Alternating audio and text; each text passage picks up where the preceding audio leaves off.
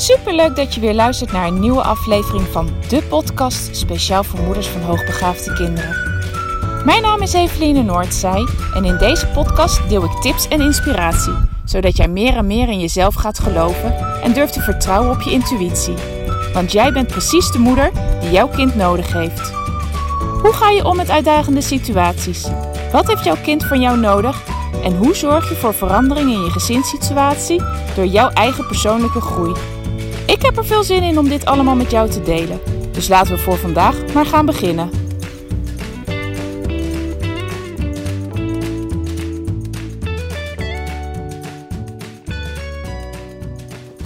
Ha, lieve luisteraars. Fijn dat je weer luistert. Ook vandaag weer een nieuwe podcast. Net zoals vorige week uh, krijg je een geluidsopname van de video die ik heb opgenomen. Ik neem deze video's op voor de gratis Facebook community die ik uh, heb opgericht een paar jaar geleden. Maar ik dacht, ja, deze video-opnames zijn natuurlijk gewoon heel erg waardevol. Waarom probeer ik ze niet ook op een andere manier te delen? Nou, zoals vorige week ook, deel ik hem natuurlijk hier nu in de podcast. Maar heb ik ook een eigen YouTube-kanaal. En heb ik daar ook de video uh, geplaatst. Dus mocht je mij liever zien praten, dan verwijs ik je naar het YouTube-kanaal. En anders veel luisterplezier met deze podcast. Hi, leuk dat je weer kijkt. Een nieuwe video deze week. En vandaag wil ik het met jullie hebben over een vol hoofd bij hoogbegaafde kinderen. En dat onderwerp kwam deze week twee keer bij ons thuis ter sprake. Bij toeval twee keer bij onze dochters. De eerste keer met onze jongste en de tweede keer met onze oudste. Twee afzonderlijke momenten. En ik dacht, wauw, dit blijkt, blijkbaar speelt dit. En ik zie het ook wel vaker voorbij komen. Bijvoorbeeld in mijn Facebook community. Waarin, er, uh, waarin ouders aangeven van, joh, mijn kind uh, loopt daarmee. Die heeft een heel erg vol hoofd. Ik dacht, nou, leuk onderwerp. Ik ga daar eens eventjes vandaag met jullie uh, het over hebben.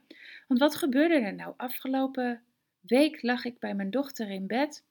Onze jongste dochter is vijf en ze vindt het af en toe fijn als ik nog eventjes lekker bij haar in bed kruip op het moment dat zij uh, een boekje voorgelezen heeft gekregen. Dat ik er even lekker bij kom liggen.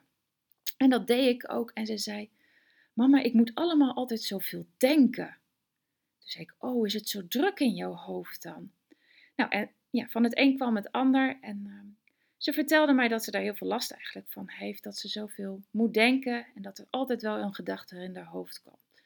En ik vertelde haar over wat ik deed toen ik vroeger zelf jong was. Want ik herken dit namelijk ook van mezelf.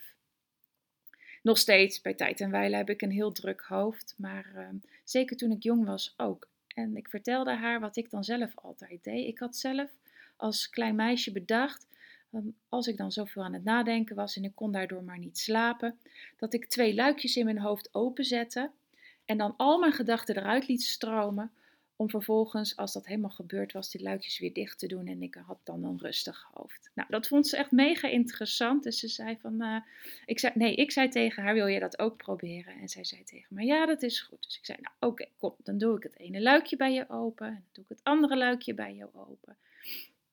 En dan... Uh, ja, dan kunnen alle gedachten weg. Nou, dat uh, heeft ze even zo volgehouden. Ik zei, nou, zijn ze nu allemaal al weg of nog niet? En op een gegeven moment zei ze, ja, het kan nu wel weer dicht. En uh, ja, het, ze, gaf zelf aan, het, was, het is rustig nu, rustiger nu in mijn hoofd. En wat ze op dat soort momenten ook heel erg fijn vindt, is dat ik dan echt bij haar kom liggen. Als het zo druk is in haar hoofd, dan, dan helpt het dat ik bij haar kom liggen, dat ze ook echt tegen mij aan kan liggen. En ik noem dat al jaren, um, ik leen dan even mijn zenuwstelsel uit. Dat blijkt, dan ben ik zelf bereikbaar heel erg rustig. En daar wordt zij zelf ook heel erg rustig van. En ik moet zeggen, ik merk dat zelf ook hoor, dat lichaam, lichamelijke contact op het moment dat ik uh, een heel druk hoofd heb, uh, dat dat mij ook heel erg helpt om tot rust te komen. Nou, en mijn, met mijn oudste dochter had ik dit nou ja, niet ditzelfde gesprek, maar had ik het gesprek ook. Zij vertelde mij toen ik haar van de week eh, bij haar open oma bracht. Tenminste, ik bracht haar niet. Wij spreken altijd halverwege af. Dat, wij wonen inmiddels uh, zelf in Brabant en mijn ouders wonen in het westen van het land. En dan spreken we altijd ergens in het midden af, zodat zij een stukje hoeven te rijden en ik.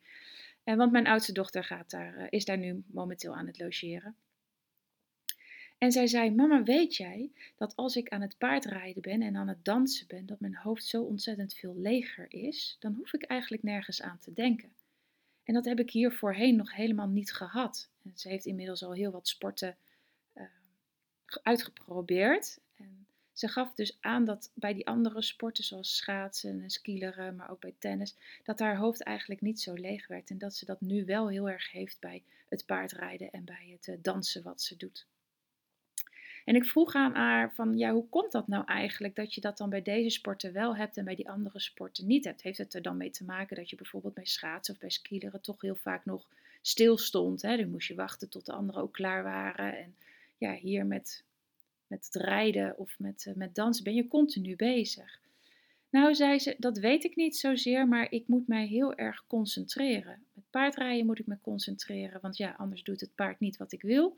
En bij, uh, bij het dansen zijn we ook continu bezig. Moet ik heel goed opletten welke beweging ik nu moet maken. En ja, dat maakt gewoon dat ik, ja, dat ik niet hoef na te denken en dat mijn hoofd daar een stuk rustiger van, werd, of van wordt.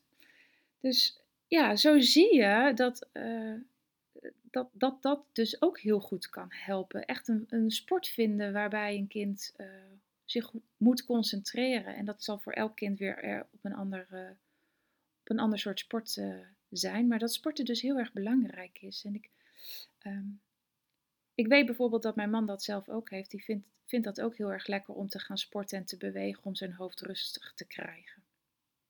Voor mij niet. Als ik ga wandelen, dan uh, blijf ik maar denken. Uh, ik vind wandelen heerlijk hè? en ik doe het ook echt wel voor mijn ontspanning. Maar juist dat zijn de momenten dat ik even rustig dingen op een rijtje kan zetten. pas als ik echt kan zeggen van nou ik kan 10 kilometer wandelen, dan heb ik dat op het einde ook. Maar anders heb ik dat dus juist helemaal niet. En dit zijn zomaar even twee dingen die, waarvan ik dacht, ja, die wil ik toch met, met, je, ja, met je delen. Eigenlijk zijn het er drie. Hè? Aan de ene kant, uh, ja, de klepjes die ik uh, dan, dat, wat ik dan zelf heb bedacht als kind zijnde. maar ook het dicht bij je houden en het lichamelijke contact opzoeken wat kan helpen. En ook een, een sport vinden waar, wat als uitlaatklep kan dienen. Um, en misschien ook wel waar ze zich heel erg op moeten focussen, waar ze mee bezig zijn.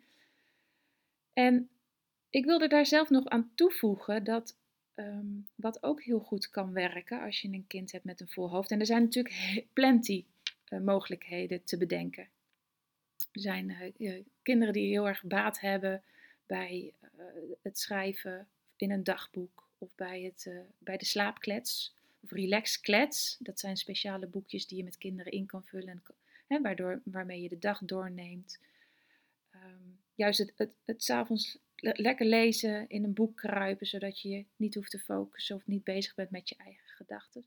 Maar een van de andere tips die ik je vandaag sowieso mee wilde geven is Um, iets wat we zelf bij tijd en wijle doen, voor onszelf, maar ook voor de kinderen. En die heeft mijn man tijdens een van de opleidingen die hij uh, heeft gedaan geleerd. En dat is uh, een magnesiumbadje nemen. Dat is magnesiumzout wat je kan kopen. Dat uh, strooi je in water. En dat kan een voetenbad zijn of een bad. Hè, gewoon lekker je eigen bad in je badkamer. En daar dan een tijdje in gaan liggen. Minimaal 20 minuten. Het mag natuurlijk ook langer. En dat kan er ook heel erg voor zorgen dat je tot rust komt. Het heeft voor meer doeleinden goed. Magnesium is sowieso goed. Maar door magnesiumopname uh, kan je veel meer ontspannen. En dat heeft niet alleen maar de lichamelijke ontspanning die je dan kan vinden, maar uh, wij merken het zelf thuis ook allemaal. Het maakt ook dat je in je hoofd meer kan ontspannen. En dit is eigenlijk een hele simpele uh, iets, iets, heel simpels wat je thuis heel makkelijk kan gaan doen, waar je niet heel veel poespas voor uh, hoeft uh, uit te halen.